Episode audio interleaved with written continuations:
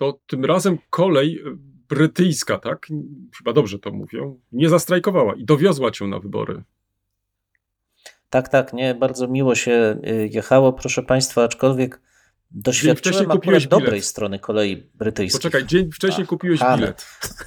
Ja, ja, ja, mam specjalną aplikację, gdzie kupuję sobie A, przez internet bilety, żeby nie być zaskoczonym, ale e, miło byłem tym razem zaskoczony, bo wszystko zadziałało. Tam dojechałem, ale kolej brytyjska ma to do siebie, że jak się jedzie do Londynu, to kupujesz bilet na wszystkie mm, duże przystanki kolejowe. Więc e, mając bilet powrotny, gdzie planowałem wracać z zupełnie innego dworca, mm, poszedłem sobie na spacer, dotarłem do zupełnie innego dworca i stamtąd pojechałem sobie hmm. pociągiem. Więc jeszcze raz, elastyczność jest e, jak najbardziej wskazana, co wszystkim serdecznie polecam. To jeszcze inny obrazek e, z tego pociągu. Podobno jechały, nie jechałeś sam. E, jechałeś tym razem z naszymi rodakami, którzy tłumnie podążali w jednym kierunku, czyli do Londynu. Jak się jechało no tak, w takim to, towarzystwie? Wiesz, czy dziwnie, bo po tych kilku miesiącach, kiedy w zasadzie no, ja nie spotykam tutaj Polaków, poza wspomnianymi już kiedyś osobami o specyficznym e, poczuciu ubioru i drogi życiowej, ale e, w, było to dziwne, bo nagle słyszysz dookoła siebie dużo mhm. polskiego, e, polskiego języka. No i były to ciekawe rozmowy, bo nawet jeszcze w, w, trakcie jazdy dotyczyły one właśnie wyborów, na kogo głosować, dlaczego na tą osobę czy na tą. Całe rodziny jechały, więc było to naprawdę duże przedsięwzięcie logistyczne, tak jak ja na to e, mhm. patrzę. Dwóch historyków, jeden mikrofon. Jeden mikrofon? Dwóch historyków? No nie, ale to znowuż mi wszedłeś w paradę. No tak zazwyczaj się dzieje. Profesor Krzysztof Równiewicz profesor Przemysław Wiszewski. Próbujemy nagrywać to, co nas ciekawi, to, co nas kręci, ale zawsze w kontekście historii. No niestety, takie już mamy, że tylko o historii, chociaż czy zawsze na poważnie? No nie zawsze, a przede wszystkim historia to cały świat. To nie tylko to, co minęło, ale też to, co jest teraz. Chcemy pokazać, że w historii można poznawać się w różny sposób. Zdecydowanie w różny sposób i nawet można się nią bawić. Państwo wszyscy widzą, że się uśmiechamy, więc my się też bawimy nieźle. Bardzo dobrze. Dwóch historyków, jeden mikrofon. Jeden mikrofon? Dwóch historyków. Wiesz co, e, tym razem, e, tym razem musimy podziękować naszym słuchaczom. Otóż wzięli udział w naszym konkursie, więc ten nasz ostatni apel spotkał się z całkiem żywym odzewem. I tak, mm, muszę pogratulować e, Robię to chętnie, to znaczy nie, że to jest jakiś przymus, tylko robię to naprawdę chętnie. Panu Bartłomiejowi Majchrzakowi, który poprawnie odpowiedział na pytanie, które zadałem w przypadku książki wyboru listów Frei von Moltke z Christianem Trybstem. Także jeden egzemplarz idzie do Wałbrzycha. Drugi natomiast. Gratulacje. Aha, nie wiem. Tak, właśnie dla pana Bartłomieja Majchrzaka Natomiast drugi egzemplarz, bo sobie pomyślałem, skoro um, mamy jeszcze i drugiego słuchacza, który tym razem napisał bardzo obszernie, wiesz, e, zadał sobie trochę trudu i na tym nie poprzestał. Tak sobie pomyślałem, że, że, że dobrze, no jeszcze jeden egzemplarz e, postaram się zorganizować, tak się też stało. Tak więc drugi egzemplarz pójdzie, wiesz co, ja tutaj pokręciłem. To znaczy tak, dla pana Tomasza Nochowicza z Wałbrzycha, a do pana Bartłomieja Majchrzaka jeszcze nie wiem skąd, bo się zgłosił, ale odpowiedział poprawnie. Ale wracam, e, zaraz, ponieważ mi się tutaj wszystko już zaczyna, wiesz, e, mylić. Jeszcze powiem tak, że pan Majchrzak napisał, wykonujecie panowie super robotę, kolego. Popatrz, widzisz? Wykonujemy super robotę. Bardzo nas to cieszy. Tak, e, kolega tak. tutaj ja tylko dodam, ma zakasane rękawy, więc widać, że pracuje. Ale wracam jeszcze do pana Tomasza. Otóż pan Tomasz z Wałbrzycha mm, zaproponował rozwiązanie, które chciałbym ci w, w, króciutko zrelacjonować. Mianowicie, e, poza tą jedną książką, pierwszą, zwrócił uwagę też na książkę byłego ambasadora Niemiec w Polsce, Rolfa Nikela, i zaproponował, co następuje. Przeczytam. Po, zapoznaniu się z zawartością A, widzisz, znowuż muszę, muszę się jakoś rozgrzać z tym, tym językiem, bo coś tutaj. Ach, no dobrze. Po zapoznaniu się z zawartością mógłbym przekazać ją profesorowi Wiszewskiemu, kolego. Czyli widzisz, jest e, gotów nasz słuchacz podzielić się z tobą książką, jak przeczyta. Więc e, no, zastanów się, zastanów się. E, Jeśli tak bardzo chcesz tą książkę przeczytać. Jest jeszcze jedna uwaga, z którą podzielił, z, podzielił się pan Tomasz, ponieważ szukając naszego adresu, no, niestety, to jest też tak, jak e, widzisz, e, w, nie używamy tego adresu, a dobrze się stało, że pan Tomasz zwrócił na to uwagę, bo chciał po prostu nawiązać z nami kontakt. No i pisze tak, że szukając kontaktu z panem, intuicyjnie wszedłem pod kontakt na podcastowej stronie. No i co? Niestety. Otrzymał em, odpowiedź e, 404. No, wiesz, y, to jest dla mnie sygnał, O. że muszę posprawdzać nasze, nasze adresy Tak. Kontaktowe, taka, żeby w przyszłości nie było, e, nie było takich sytuacji. Tak więc jeszcze raz gratulujemy panu Tomaszowi Nochowiczowi i dziękujemy, że zwrócił nam e, na ten problem uwagę w, na, z nawiązaniem kontaktu. A co do książki Nikela, myślę, że znajdziemy rozwiązanie jakieś sensowne. Nie, Widzisz? nie, to oczywiście. To myślę, że pan Tomasz e, powinien książkę otrzymać, a jak będzie chciał ją przekazać, to komuś ze swojego otoczenia. No bo fajnie, że te książki docierają nie tylko do tak Mhm. osób zafiksowanych jak my na pewnej tematyce, ale rozchodzą się jak najszerzej. Nawet e, przekazanie do biblioteki szkolnej jest świetnym pomysłem, bo wtedy dzieciaki z kolei mogą się z taką książką zapoznać. A, a propos, Natomiast taki e, bogaty profesor z domu jak ja sobie ją kupi po prostu. No nie, no kolego, już umówmy się, zorganizuję dla ciebie drugi egzemplarz, wiesz, także to, to też nie jest jakimś wielkim problemem. No wyjdę ci naprzeciw, no a co? Mały szantażyk Tak, no emocjonalny. tak, aha, to na, to na tym to polega. No dobrze, no ale skoro jesteś zainteresowany, to jak ja mogę tutaj koledze ob, od, odcinać, obcinać to zainteresowanie? No, jestem ostatni. No dobrze, Nie, to co? To myślę, że po tych takich e, kilku taktach wstępnych możemy przejść do nowinek, kolego. Co też te nowego Do nowinek, a jeszcze dzisiaj? tak sobie pomyślałem, No, to zaraz powiem, ale tak sobie pomyślałem, że pan Nochowicz nas zmobilizował, żebyśmy nagrali nowe intro i outro. Bo w, przy outro można podać nasze adresy. I wtedy O, każdy też- zainteresowany będzie mógł e, ale sobie to już jak sobie wrócisz, sięgnąć, to już jak wrócisz e, do ojczyzny, kolego. Tak, tak, tak, tak. Tak, to co, dzwonimy? Tak jest. To wrócę do ojczyzny. Dzwonimy? Dzwonimy, dzwonimy. Dobrze, dzwonimy. No to w takim razie e, ty masz głos. Proszę bardzo. Okej, dzisiaj e, będzie o kobietach i o mężczyznach, O. ale w kontekście edukacyjnym. Tak. Bo nie wiem, czy wiesz, ale jest taka choroba, a właściwie historiograficznie jest taka choroba, jak anoreksja scholastica. Anoreksja scholastica. To jak ja to sobie mam wyobrazić? To znaczy co, Mhm. odchudzamy książki, czy co? No, zaraz Odchudzamy nauczyciela? Zaraz ci powiem. W 1892 roku, jak dobrze pamiętam, e, pan Crichton, Cricht- Crichton Brown e, napisał do British Medical Journal o chorobie, którą właśnie zdiagnozował. No i to jest ta właśnie anoreksja scholastica.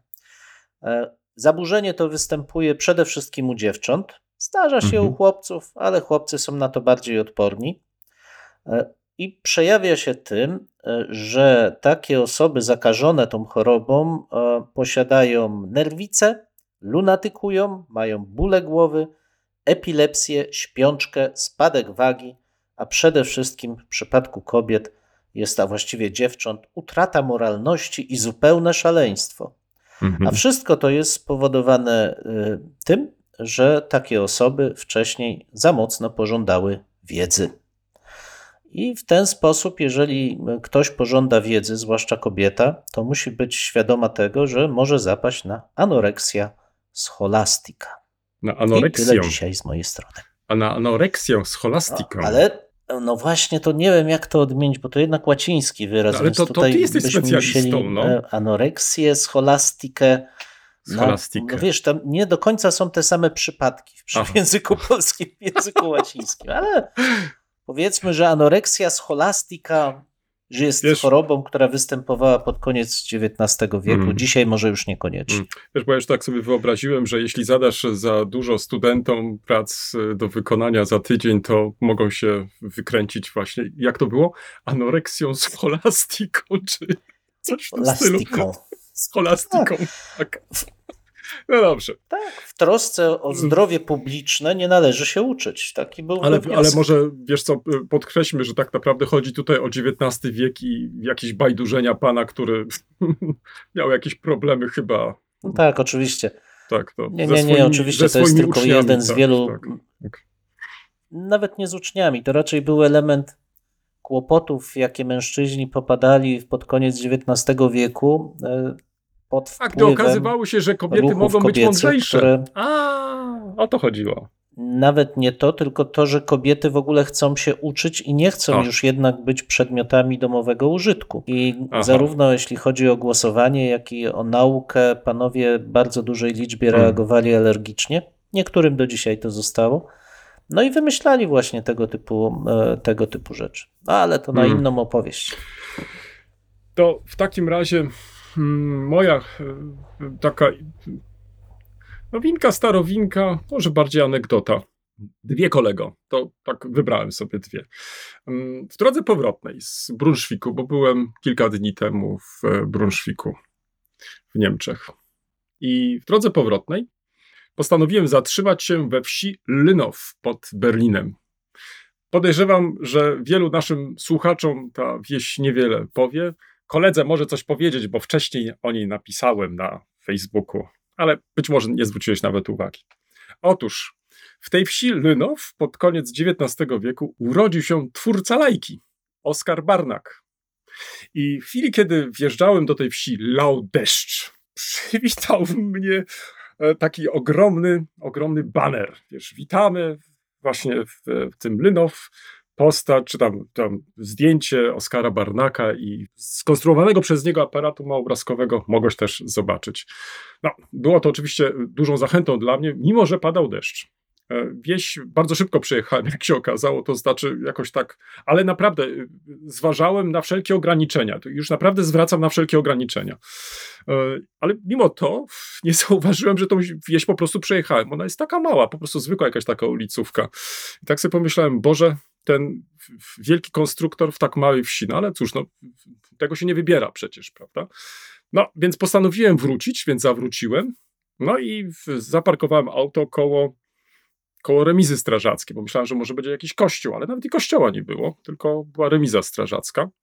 I tam koło remizy strażackiej, em, i na to chcę zwrócić uwagę, była wiata autobusowa. I w tej wiacie autobusowej to, co bardzo w, lubię, to te, te przestrzenie szklane wykorzystano, żeby spopularyzować wiedzę o wsi. Znalazły się tam różne e, zdjęcia wsi z e, przełomu XIX-XX wieku. Ale co jeszcze oprócz tego się znalazło? To znalazło się też ogromne zdjęcie mojego bohatera, Oskara Barnaka, więc nie sposób nie było zauważyć także i tego zdjęcia z taką informacją, kiedy się urodził, kiedy zmarł. No i naturalnie podkreślono, że to był słynny, sławny syn naszej miejscowości. Ponieważ wcześniej wiedziałem, że w tej wsi znajduje się też muzeum poświęcone mojemu bohaterowi, więc postanowiłem znaleźć muzeum. Niestety, pocałowałem klamkę. Okazało się, że e, muzeum istnieje, ale niestety jest zamknięte. No więc co zrobiłem?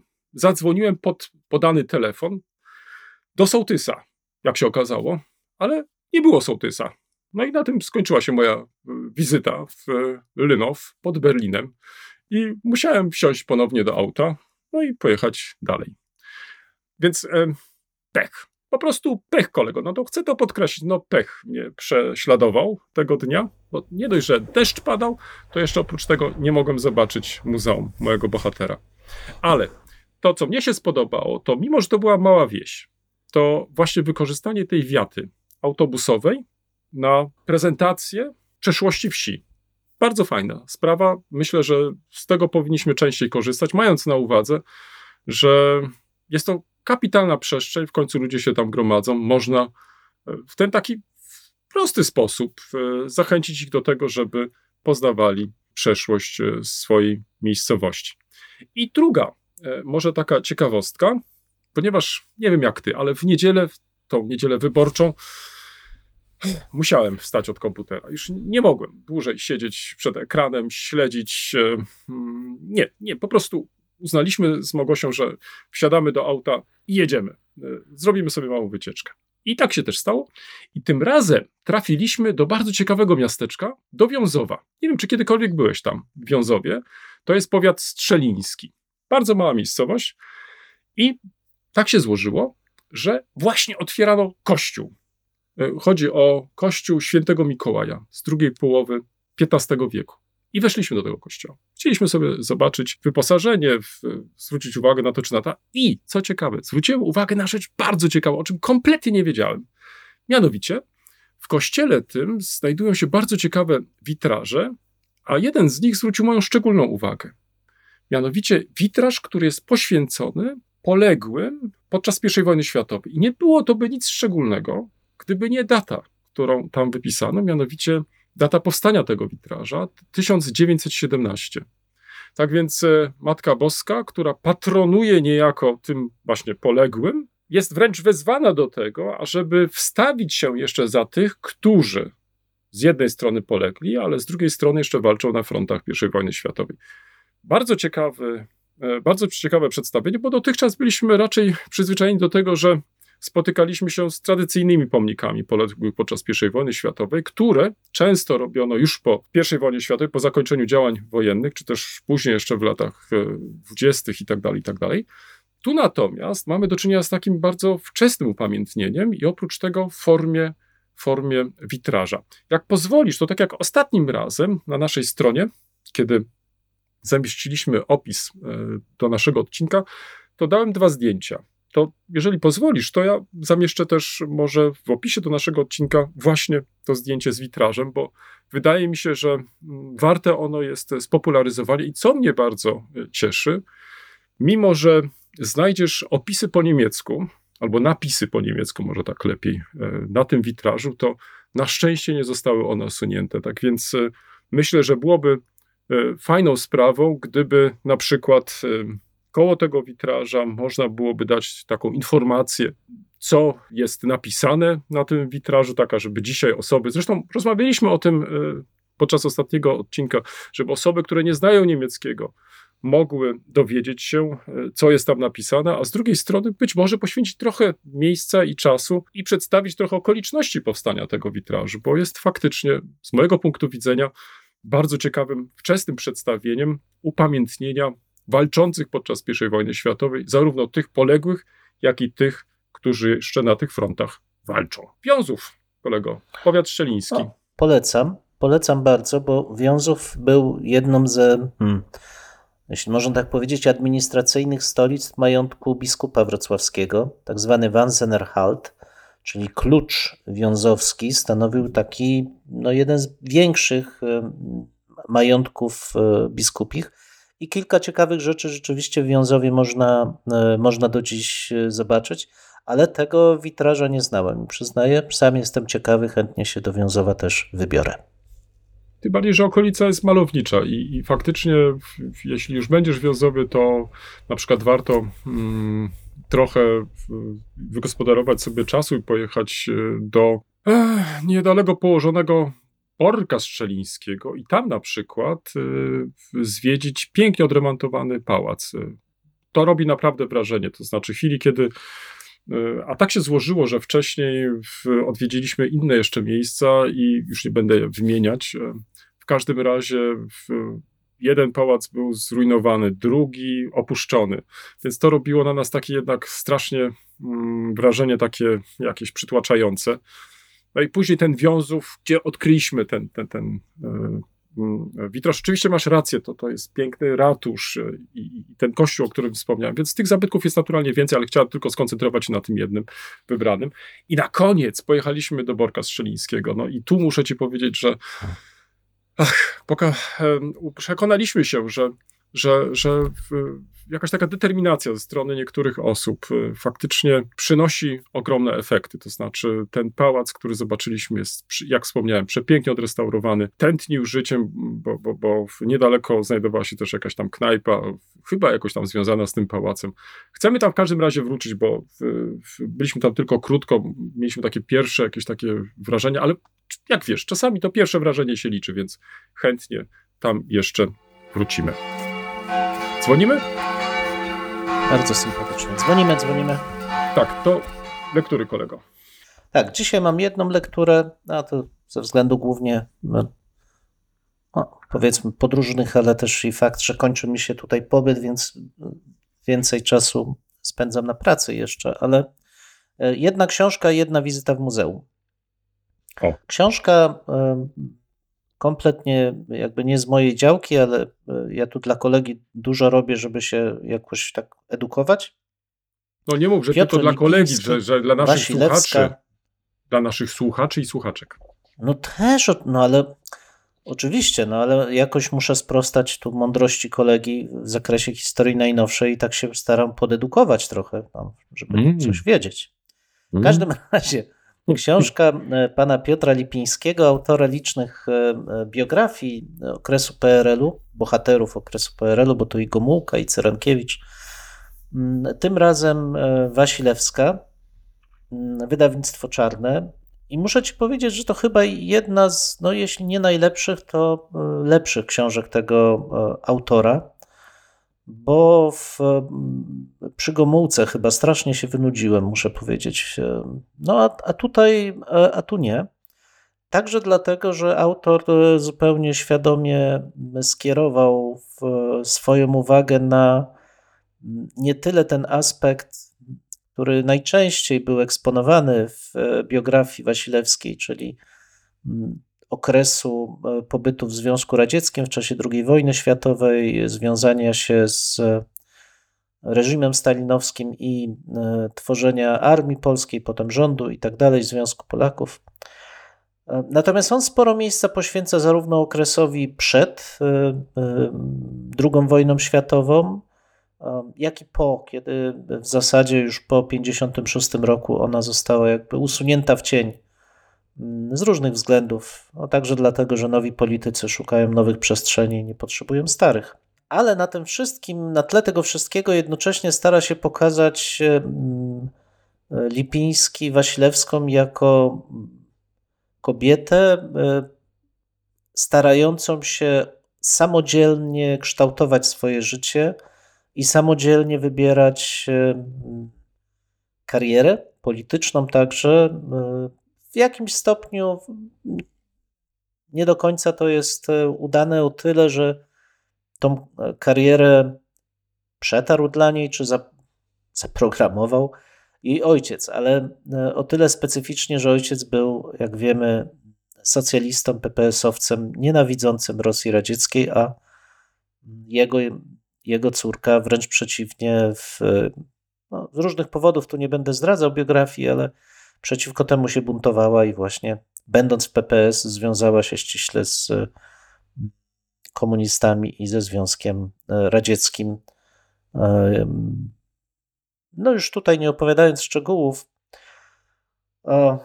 pokazanie tej specyficznej sytuacji kobiet w okresie międzywojennym, ale też końcówki tego długiego wieku XIX, bo nieco miejsca poświęca i matce e, w, wspomnianej e, bohaterki, ale także okresu już powojennego PRL-u, pozwala uchwycić coś więcej niż, e, niż taki obraz antyświętej, bo świetnie pokazał z jednej strony, że dotychczasowe biografie te z okresu PRL-owskiego to były rodzaj takich e, żywotów świętych komunistycznych.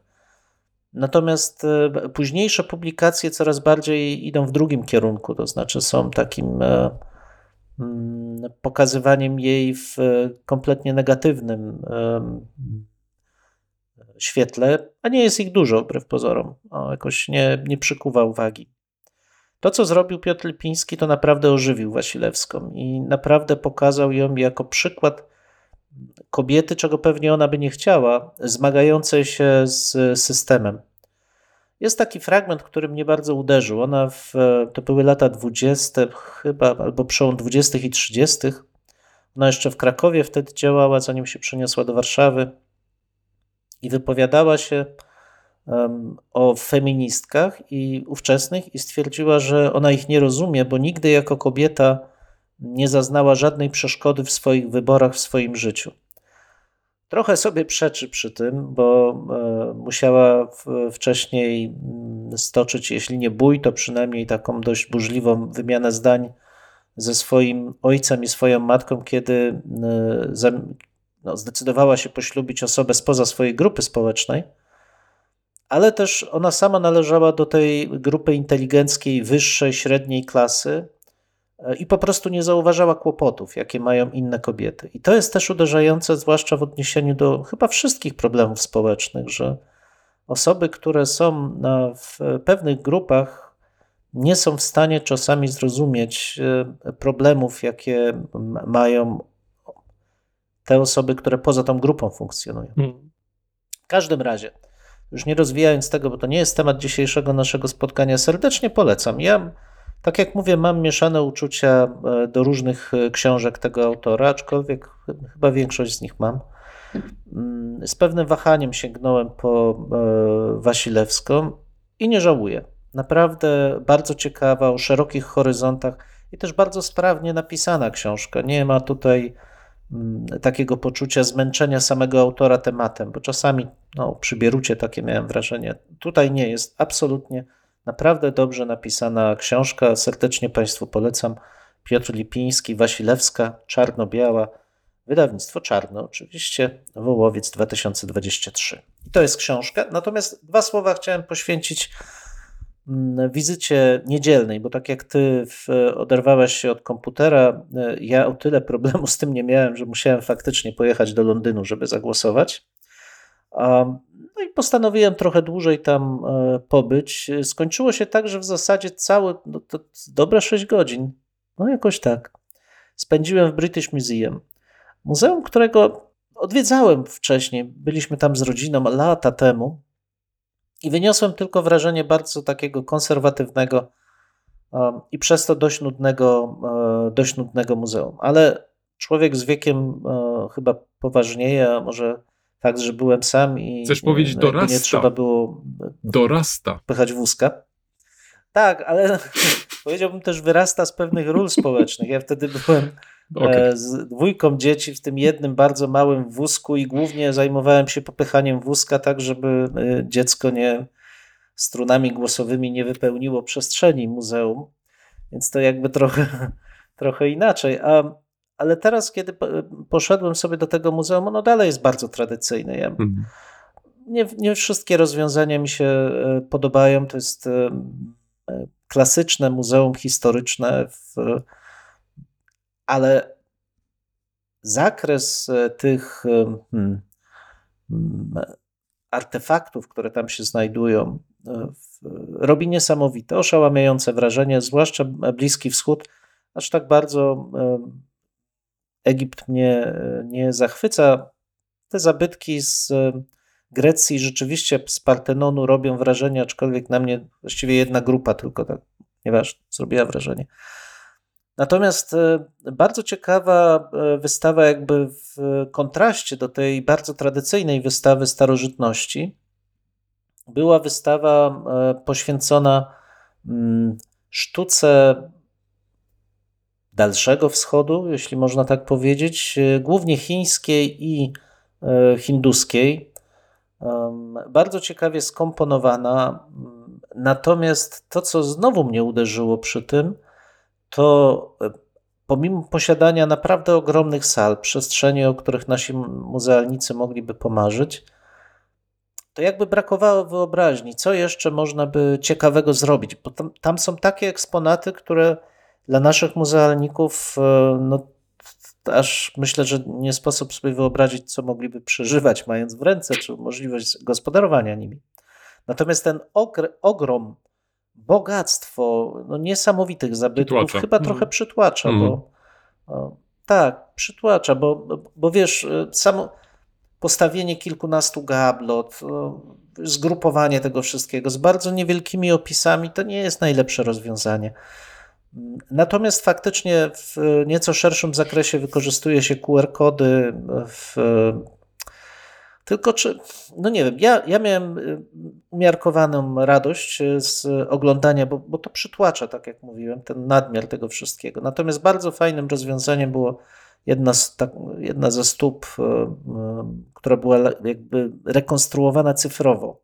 Mogłeś zobaczyć poszczególne fragmenty płaskorzeźb, ale obok mogłeś też odtworzyć sobie cyfrową rekonstrukcję tej świątyni, zobaczyć, gdzie one się znajdowały. Czyli podsumowując, Gdyby ktoś chciał się wybrać do British Museum, to tam niewiele się zmienia w tym sensie, że wystawa stała jest cały czas, ale my się zmieniamy i, i czasami jej odbiór może się zmienić. Natomiast e, drugi mój wniosek jest też taki, że e, nadmiar tych e, wspaniałych, dobrych rzeczy czasami chyba odbiera kreatywność. Nie jestem za tym, żeby odbierać ludziom rzeczy, żeby byli bardziej kreatywni, tylko żeby się częściej może zastanowić, kiedy już przystępujemy do jakiegoś działania co możemy zrobić z posiadanymi e, rzeczami. No i tyle z mojej strony na dzisiaj. Tutaj mogę Cię zaskoczyć. E, mam nadzieję przynajmniej. Otóż, e, jak wspomniałem, byłem wcześniej w Brunszwiku. Nie będę opowiadać, jakie tam były powody i tak dalej, bo to nie jest akurat istotne, ale była to dla mnie okazja, żeby zwrócić baczniejszą uwagę na historię tego instytutu oraz obejrzeć jedną z wystaw która faktycznie bardzo mnie zainteresowała. Zacznę może od książki. Mam przed sobą pięknie wydaną, no nie chcę użyć słowa album, ale pięknie wydaną historię instytutu, instytucji pod tytułem Schulbuch als Mission, podręcznik szkolny jako misja, Die Geschichte des Georg Eckert Institutes, historia Instytutu Georga Eckerta. Autorami są Eckhard Fuchs, Katrin Henne i Stefan Zamler. Dlaczego mm, zwracam na tą książkę uwagę?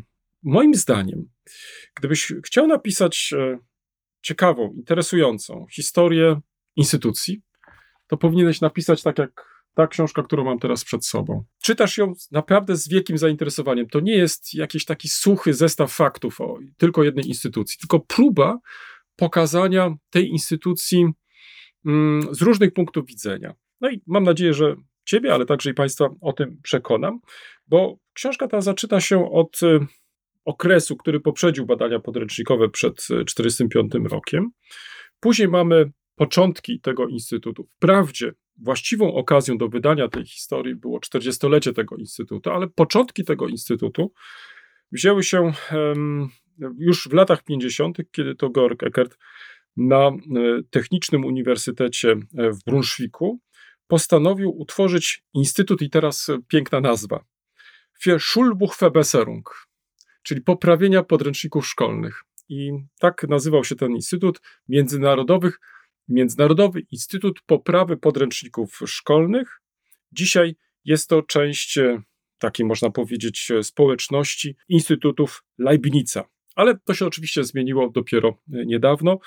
Natomiast w 2000 2015 roku Instytut obchodził 40-lecie i z tego też powodu ta książka została wydana. I teraz, jeśli chodzi o punkty ciężkości pracy tego instytutu, to tutaj znajdziesz na przykład e, takie podrozdziały, które dotyczą instrumentów e, badań mm, podręcznikowych e, i podstaw mm, pracy nad podręcznikami. Dalej, takie tematy jak demokracja i dyktatura, następnie mm, doświadczenie przemocy i ruch oporu, naród, kolonializm i postkolonialne perspektywy, religia i tak dalej, i tak dalej. Kończy się to wszystko na różnorodności kulturowej, więc dzięki temu masz kapitalny wgląd e, w te tematy, którymi Instytut e, w tych ostatnich dziesięcioleciach e, się zajmował. No i to daje ci pewne wyobrażenie, jak ten Instytut faktycznie mm, się rozrastał, jakie tematy dochodziły. I to wszystko jest pięknie jeszcze zbierane w kolejnym rozdziale, to znaczy, kiedy jest mowa o tej infrastrukturze badawczej, bo nie można byłoby podjąć tych tematów, gdyby nie istniała ta infrastruktura. I można wręcz powiedzieć, że tym sercem Instytutu. Jest e, świetna biblioteka. Ile już, słuchaj, razy miałem takie sytuacje, kiedy szukałem na przykład podręcznika polskiego do historii. Nieważne, czy to był podręcznik wydany przed 1945 rokiem, czy współcześnie używany. Często w bibliotekach polskich miałem naprawdę ogromny kłopot, ale wystarczyło zadzwonić do koleżanek i kolegów z biblioteki w Brunswicku, ten podręcznik tam już był, albo był dostępny.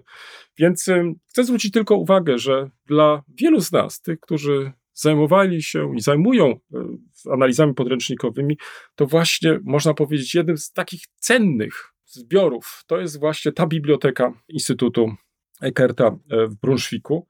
Także tak na marginesie, tym z Państwa, którzy jej jeszcze nie znają, to e, polecam, bo naprawdę warto. Dalej. Nowum, które się pojawiło, jeśli chodzi o infrastrukturę badawczą, to jest przede wszystkim użycie już różnych instrumentów do badań cyfrowych tak więc i tutaj ta rewolucja cyfrowa e, weszła do Instytutu i o tym za chwilę jeszcze powiem w kontekście wystawy. Bardzo dużo jest też publikacji Instytutu i teraz e, myślę, że czasami narzekamy na to, że te publikacje są strasznie drogie lub też są e, dla nas niedostępne z różnych powodów. Tutaj muszę przyznać, że Instytut w ostatnich latach przyjął czy, czy realizuje bardzo ciekawą politykę. Mianowicie każda publikacja, poza naprawdę wyjątkami, jest e, publikowana e, w obu wersjach, zarówno w tej wersji tradycyjnej, papierowej, ale też i wersji elektronicznej. I ta elektroniczna jest od razu dostępna na zasadach open access. Tak więc polecam, zachęcam tych z Państwa, którzy zajmują się kształceniem, czytają po niemiecku, po angielsku. Zwróćcie uwagę także na stronę tego instytutu. Tam znajdują się naprawdę bardzo ciekawe publikacje, które Zwłaszcza jeżeli naszymi słuchaczkami, słuchaczami są nauczyciele, to z pewnością znajdziecie Państwo dla siebie um, bardzo ciekawe tematy. I ta rzecz, która jest tu nie mniej ważna, e, to zwrócono też uwagę nie tylko na sam Instytut jako taki, na jego historię, na jego tematy, infrastrukturę, ale też i miejsce tego Instytutu w regionie. To znaczy, żeby pokazać, dlaczego tak ważne jest, ażeby ten Instytut w regionie działał, funkcjonował. O tym może często zapominamy. To jest taka ważna cecha też, że te instytuty nie działają od tak sobie, tylko stanowią faktycznie bardzo ważną część takiego kosmosu właściwie naukowego miasta czy też regionu. I trudno jest sobie wyobrazić e, te właśnie instytuty mm, bez tych miast czy też regionów, a odwrotnie miast i regionów bez tego właśnie rodzaju instytucji. No i na koniec, właściwie chyba taka też uwaga, ta książka jest przepięknie wydana.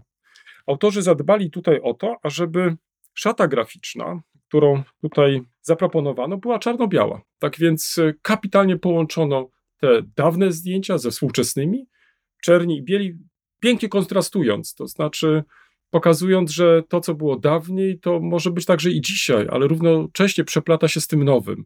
I to nowe także i w tej książce widać. Bardzo dużo jest też e, na temat e, pracy Komisji Podręcznikowej Polsko-Niemieckiej, tak więc tutaj e, zainteresowanych odsyłam zarówno tych, którzy interesują się historią tego instytutu, czy mogą się zainteresować, ale także na przykład pracą komisji wspomnianej polsko-niemieckiej, czy też innymi komisjami, jak na przykład niemiecko-francuską. I teraz wystawa. Ponieważ ten instytut mieścił się początkowo w takiej przepięknej willi von Bülow, przepiękna willa, musisz koniecznie zobaczyć.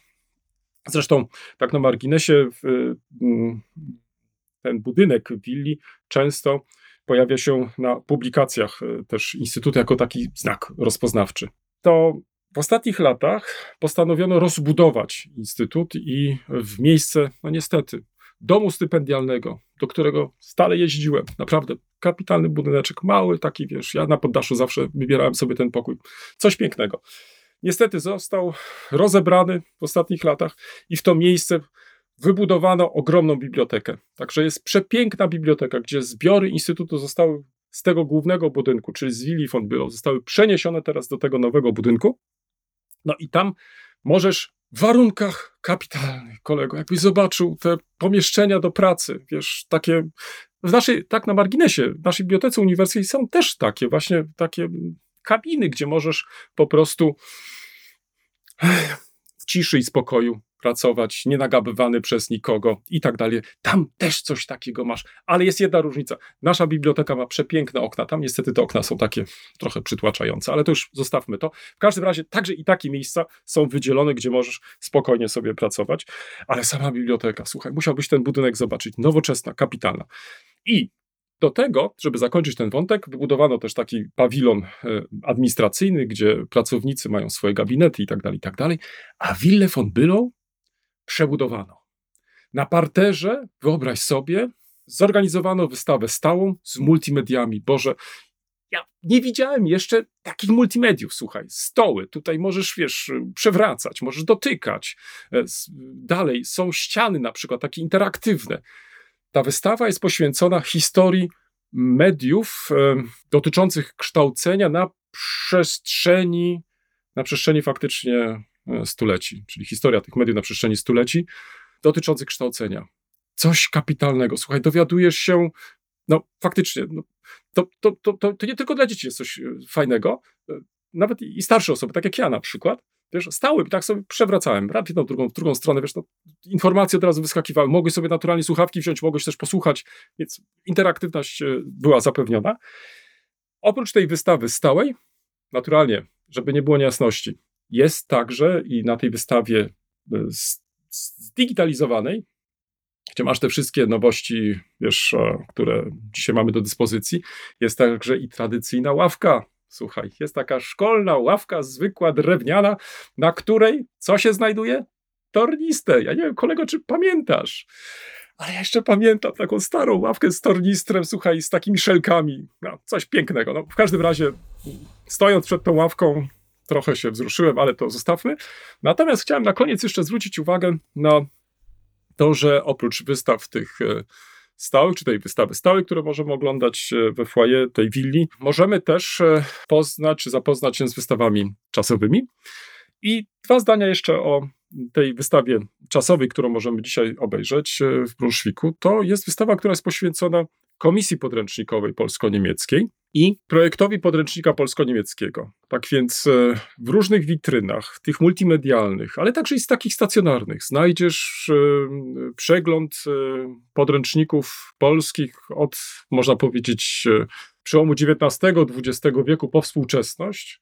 Znajdziesz różnego rodzaju materiały komisji podręcznikowej, znajdziesz też wywiady, takie czy inne, ale co wydaje mi się nie mniej ważne, także różne propozycje, jak można stosować podręcznik polsko-niemiecki.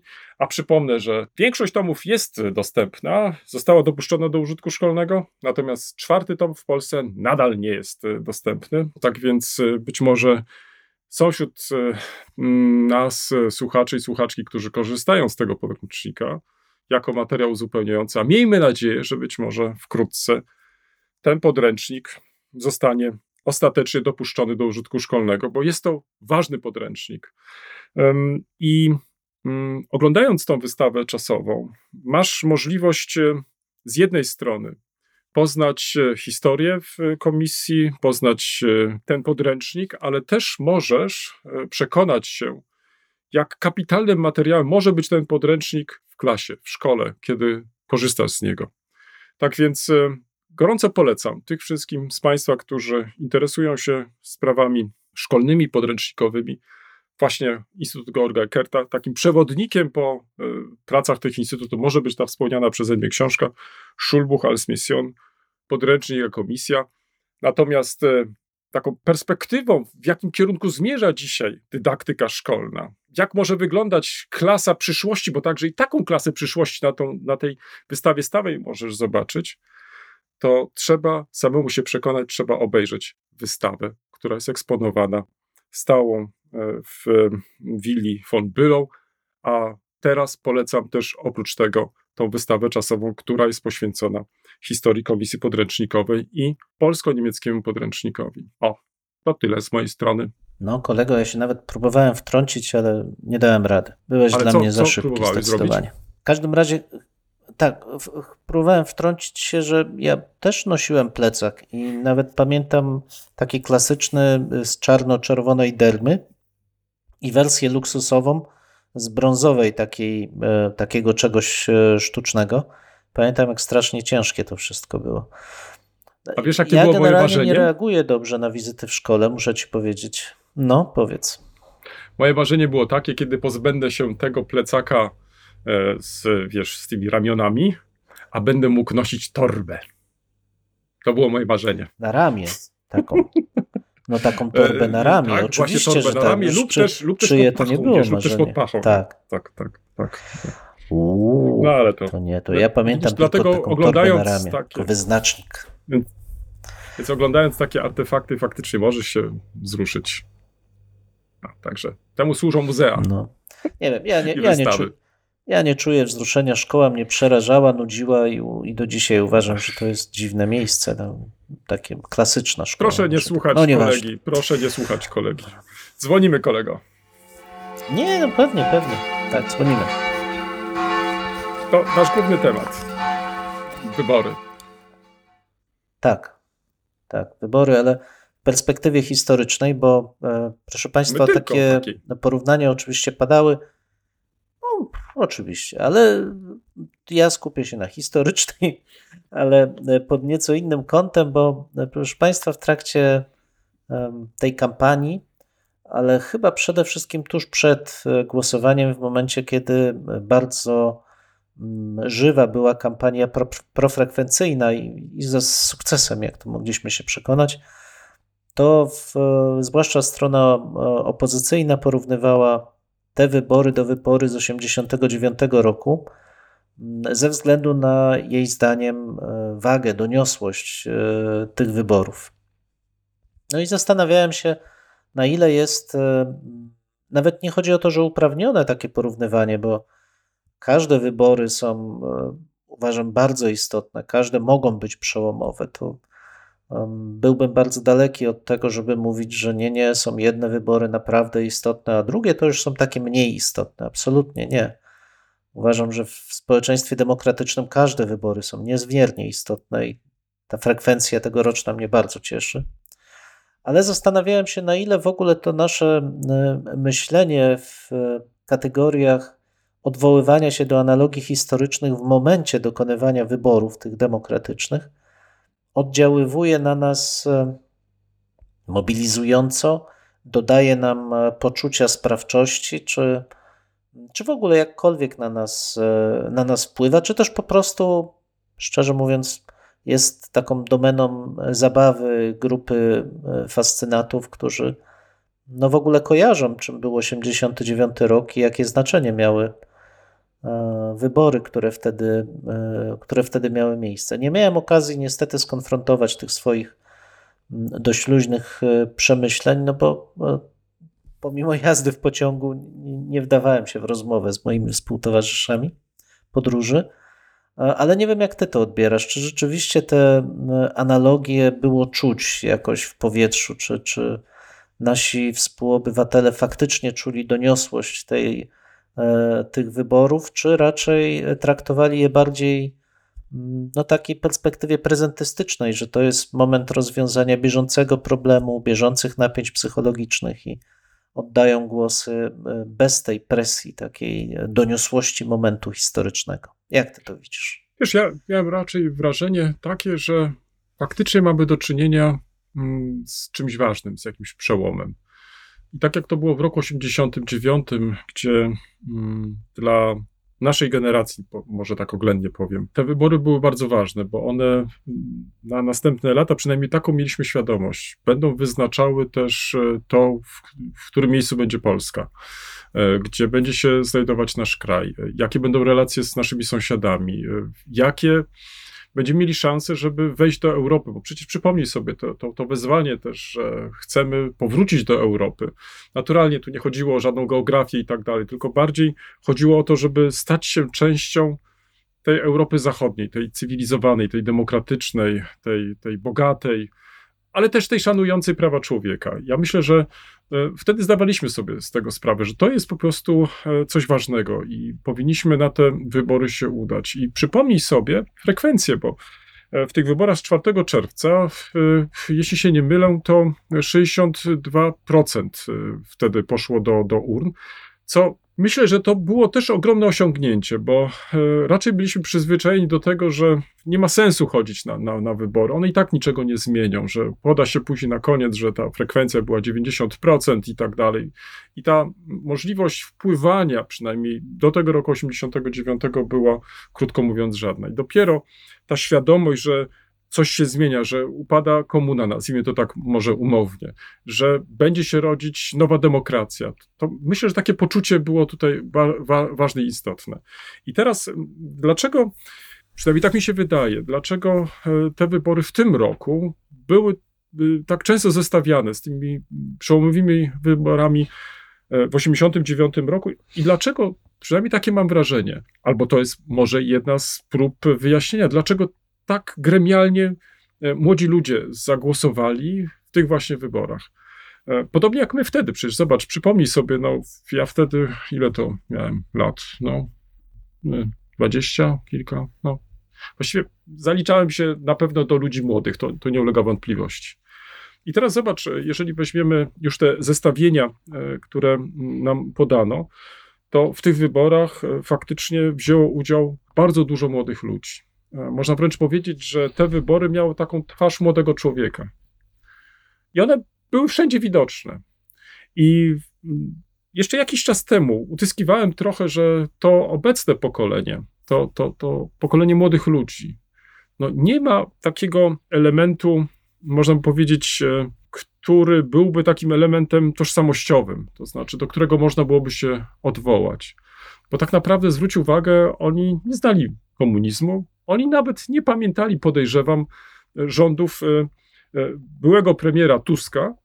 E, więc szczerze mówiąc, ta chyba kampania, nazwijmy to, skierowana przeciwko Tuskowi w koalicji rządzącej, chyba ich w ogóle nie przekonywała, bo mówili o rzeczach, no, czy mówiono o rzeczach, które, które ich w żaden sposób nie dotyczyły. Natomiast Mam wrażenie takie, tu jestem bardzo ciekaw, jak to być może w przyszłości też i socjologowie będą tłumaczyć, a być może za chwilę i my, przecież jako historycy z dłuższej czy z większej perspektywy czasu, czy właśnie dla tego pokolenia, które dzisiaj poszło do y, y, wyborów, które znają Europę, które znają Europę bez granic. Często to są w końcu nasi studenci, którzy korzystali z programów Erasmusa, którzy kontaktowali się, mają kontakty przecież w całej Europie, na całym świecie. Dla nich kontakt z taką czy inną osobą, wśród swoich przyjaciół mają też o różnych e, orientacjach e, politycznych, seksualnych itd., tak itd. Tak Dla nich to jest coś oczywistego, że poszli gremialnie do tych wyborów, żeby zamanifestować, że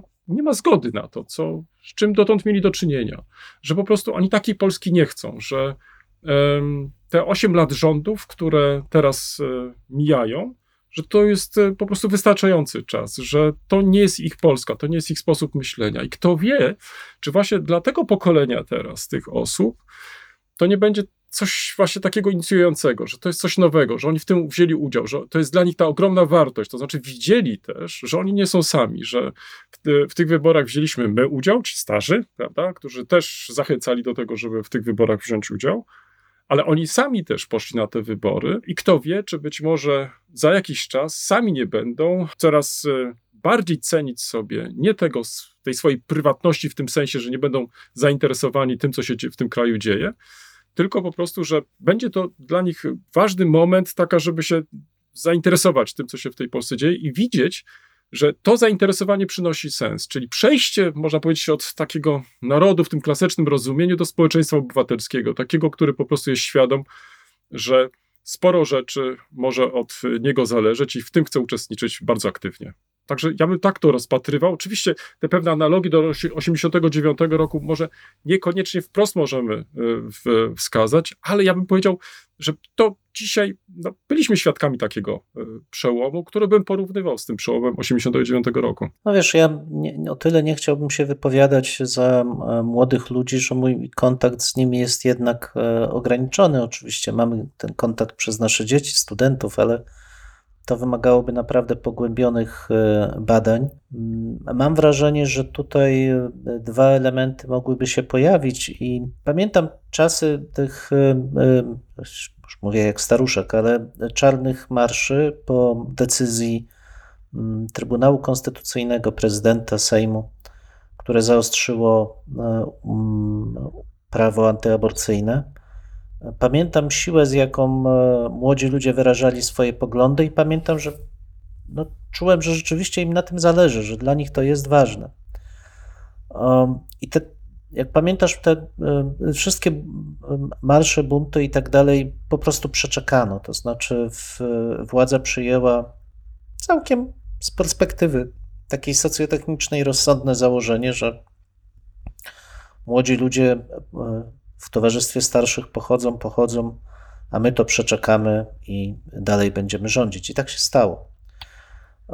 I wydaje mi się, że to też wbrew pozorom odegrało bardzo dużą rolę, to znaczy poczucie zlekceważenia przez e, establishment młodych ludzi i e, kampania wyborcza, zwłaszcza tej strony rządowej, chyba też w tym kierunku szła, to znaczy kompletnego lekceważenia wiedzy, emocji, tego świata e, zupełnie innego od świata w 50-60-latków, jaki dzisiaj przed młodymi ludźmi się rozpościera. Ale ja wrócę jednak do tego, do tych analogii, bo one mnie bardzo ciekawią z jednego powodu, że hmm, chyba to jest taki pierwszy ruch znaczący, bardzo znaczący ruch polityczny, zmiana polityczna, a to, że jest znaczący, to można sobie też prześledzić komentarze zagraniczne, że rzeczywiście Polska pozytywnie jest odbierana nie jako dlatego, że jedna partia zastępuje drugą, tylko dlatego, że mamy ogromną frekwencję tak. i ogromny zryw obywatelski.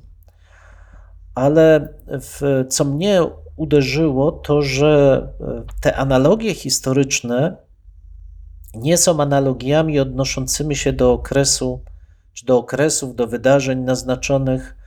Hmm, w sposób taki aktywny przemocą, walką, wojną. Rozumiesz, że mm. odwołujemy się do wyborów 89 roku. Oczywiście to też ma swój związek, to jest kwestia e, komunizmu, w cudzysłowie oczywiście, walki z dyktaturą, e, porównywania rządów e, jeszcze sprawującej władzę partii do tej dyktatury, ale mimo wszystko analogia szła w kierunku docenienia demokratycznych procedur, to znaczy wskazania, że to, na czym nam zależy i do czego my się odwołujemy, to nie jest walka, to nie jest przemoc, może inaczej, to nie jest przemoc otwarta, to nie jest rozlew krwi, to nie jest cierpienie, nie. Odwołujemy się do możliwości, jakie daje uczestnictwo w demokratycznym społeczeństwie. Chyba pierwszy raz z czymś takim tak silnie zaakcentowanym się e, spotkałem po 1989 roku. I dla mnie to jest ciekawe roz... zjawisko, bo może oznaczać zmierzch pewnego, hmm, ujmijmy to, romantycznego modelu e, tej e, liturgii narodowościowej, która w Polsce jest głęboko zakorzeniona. Ta tradycja romantyczna, zwłaszcza w PRL-u, była bardzo żywa mesjanizm polski jest przecież jednym z takich no, kośćców e, tej tradycyjnej e, wizji e, polskości. No ale tutaj tego nie było. Tutaj były zupełnie racjonalne odwołanie. Słuchajcie, jesteśmy obywatelami, możemy podjąć decyzję. Możemy sami zadecydować, jakiej Polski chcemy. My możemy, nie musimy walczyć. Wystarczy pójść na wybory, być razem. Nie wiem, czy to będzie przełom. Ja jestem ostrożny, wiesz, w określaniu przełomów, bo emocje e, rosną, opadają. Na pewno będą za chwilę osoby rozczarowane e, tym rządem czy kolejnym, ale sam fakt, że młode osoby doświadczyły siły swojego głosu, że świat można zmienić, będąc obywatelem demokratycznego państwa i szanując prawo, ja uważam, że to jest e, kapitalne, że e, nawiązywać do tego i podkreślać właśnie te analogie, które pozwalają wydobyć, jeszcze raz podkreślę, szacunek dla prawa szacunek dla praw obywatelskich. I razem w sposób optymistyczny pokazać, że tak, można zmienić ten świat, nie uciekając się do agresji przy całej niesamowicie agresywnej, brudnej kampanii, jaką oglądaliśmy przed wyborami. To jest ogromne osiągnięcie. Ta A... analogia, ta żywość tej analogii mi daje nadzieję. Ale zwróć uwagę, tutaj podjąłeś kapitalny temat i zobacz, dotychczas byliśmy przyzwyczajeni do tych sytuacji, w których ponosiliśmy klęski. Musieliśmy z tych klęsk wyciągać jakieś wnioski. To oczywiście ta tradycja romantyczna jak najbardziej tutaj wchodzi w grę. Ile to było tych powstań, które przygrywaliśmy, no może poza jednym, dwoma w historii, ale generalnie to zawsze to były ofiary. Zwróć uwagę, że to jest też doświadczenie pokoleniowe. Dlatego nie bez powodu zwróciłem, że to dzisiejsze pokolenie młodych ludzi, ja naturalnie nie chcę mówić tak jak i ty za wszystkich, ale przynajmniej jako tego obserwatora z zewnątrz, nazwijmy to tak, to mi się rzuca w oczy. Oni innej Polski nie znają jak tylko tej, która jest w Europie. To nie była ta Polska, która musiała w, najpierw w jednym powstaniu być zniszczona, w drugim, w trzecim, by ostatecznie w roku 80 mogła się odbyć ta pokojowa rewolucja Solidarność, ale zwróć nawet uwagę, nawet i w, tej, w tym przypadku, wprowadzenie stanu wojennego było też tym przykładem, że tę rewolucję można przerwać. Ja nie powiem zniszczyć, bo ona nie została zniszczona. Opozycja, czy Solidarność odrodziła się w opozycji. To trzeba mieć też na uwadze. Ale ten rok 89, zwróć uwagę, i być może to jest pewna analogia, przynajmniej po stronie opozycyjnej, to była całkiem inna narracja. To był całkiem inny sposób komunikowania. To znaczy, ja bym wręcz powiedział, że to była ta radość ze święta, w którym właśnie teraz uczestniczymy. Że z jednej strony oczywiście mamy do czynienia jeszcze ze starym reżimem, ze starymi władzami, z prezydentem i tak dalej, no ale mimo to, jako społeczeństwo obywatelskie możemy zorganizować pierwsze demokratyczne, chociaż wiadomo, z pewnymi trudnościami, wybory i w nich uczestniczymy. I podobnie było teraz. To znaczy, że mimo tych różnych działań ze strony obecnych jeszcze władz, to się nie udało. I teraz pojawia się kolejna kwestia, że to takie e, nachalne, wręcz chamskie, wiesz, wpajanie tego takiego, bym powiedział, łopatologicznego nacjonalizmu wręcz, wiesz, w polskich, przynajmniej części w polskich szkołach, szkołach, to się po prostu nie, nie, nie udało. To znaczy, mimo że władza miała wszelkie środki, miała instrumenty, miała podręczniki, przecież wielokrotnie rozmawialiśmy o tym przedmiocie historia i teraźniejszość. No wystarczy wziąć jeden z tych podręczników, żeby się przekonać, że to była bardzo jednostronna wizja, strasznie ograniczona, po prostu strasznie wyprana. Zresztą rozmawialiśmy nieraz na ten temat. Ale to nikogo nie przekonało, że znaleźli się nauczyciele, którzy powiedzieli: Słuchajcie, to jest tylko jedna z możliwości, ale ten świat inaczej wygląda.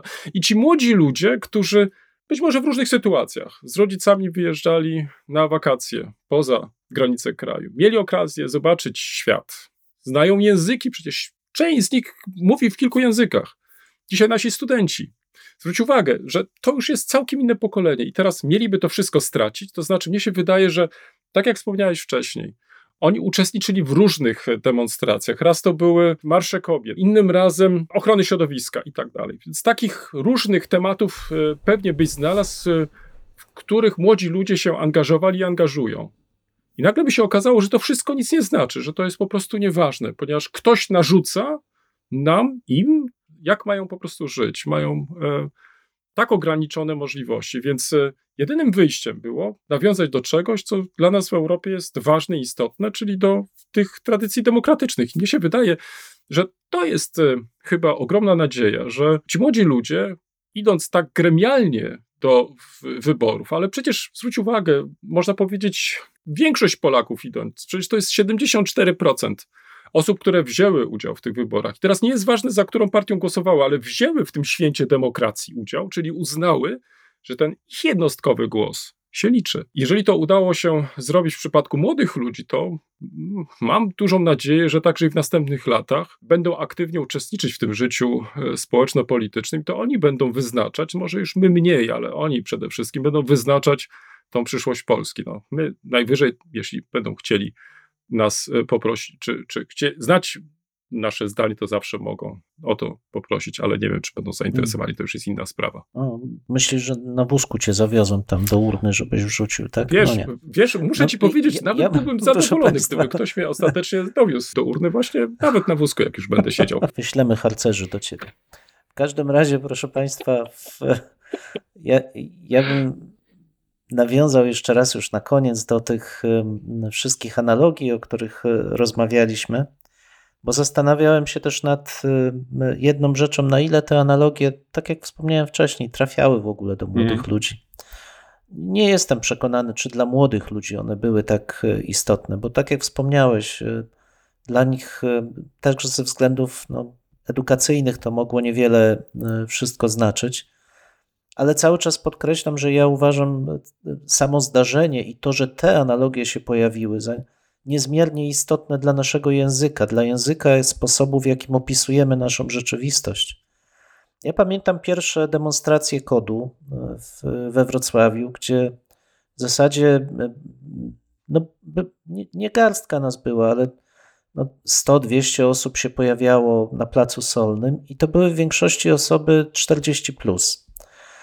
Um, dzisiaj ta sytuacja wygląda zupełnie inaczej i mam nadzieję, że te analogie, o których e, wspominaliśmy tutaj, powoli zaczną też docierać jako własne dla tych młodych ludzi, że to będzie ich język opisu, że oni będą wspominać to stanie na jagodnie po te kilka godzin, po to, żeby oddać głos, jako ten e, moment formujący, do którego oni będą z kolei się Mhm. odwoływać, że słuchajcie, był taki czas, że no, groziła nam taka, a nie inna sytuacja, a myśmy się zebrali wszyscy razem, poszliśmy i oddaliśmy te głosy. Każda, e, każde pokolenie jak potrzebuje takiej, e, przynajmniej może niekoniecznie bezpośrednio, ale gdzieś tam tlącej się metafory e, zaangażowania obywatelskiego. I ja Czyli tego naprawdę jestem bardzo szczęśliwy, że tą metaforą nie... Mhm. Mhm. Tego Wiesz, przeżycia Tak, ale w kontekście tak. Mhm. obywatelskim, Mhm. wiesz, Mhm. Ale w kontekście obywatelskim, Tak. bo to przeżycie może być różne. To może być pandemia na przykład, jako ten formujący. ok- Różne mogą być dla różnych grup tożsamościowych.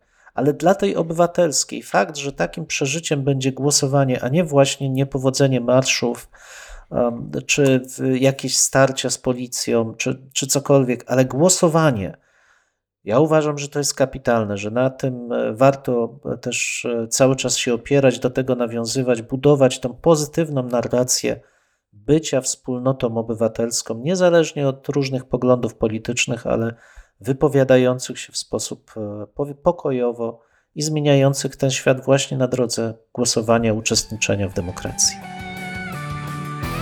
W tym miejscu stawiamy kropkę lub też jak to woli kropkę nad i. No, mamy nadzieję, że to nie jest koniec, że to jest początek Waszych dyskusji. Mam nadzieję, że Was zaciekawiliśmy. Prosimy o komentowanie naszych zmagań z historią. Poniżej zdjęcia jest wystarczająco dużo miejsca. I pamiętajcie, nie regulujcie odbiorników. No, my naprawdę tak brzmimy. E, tak, chociaż być może czasami e, może trzeba ściszyć. No może czasami ten nasz rechot by się przydało wyciąć nawet. Dwóch historyków, Jeden mikrofon, jeden mikrofon. dwóch historyków. Dziękujemy. Dziękujemy.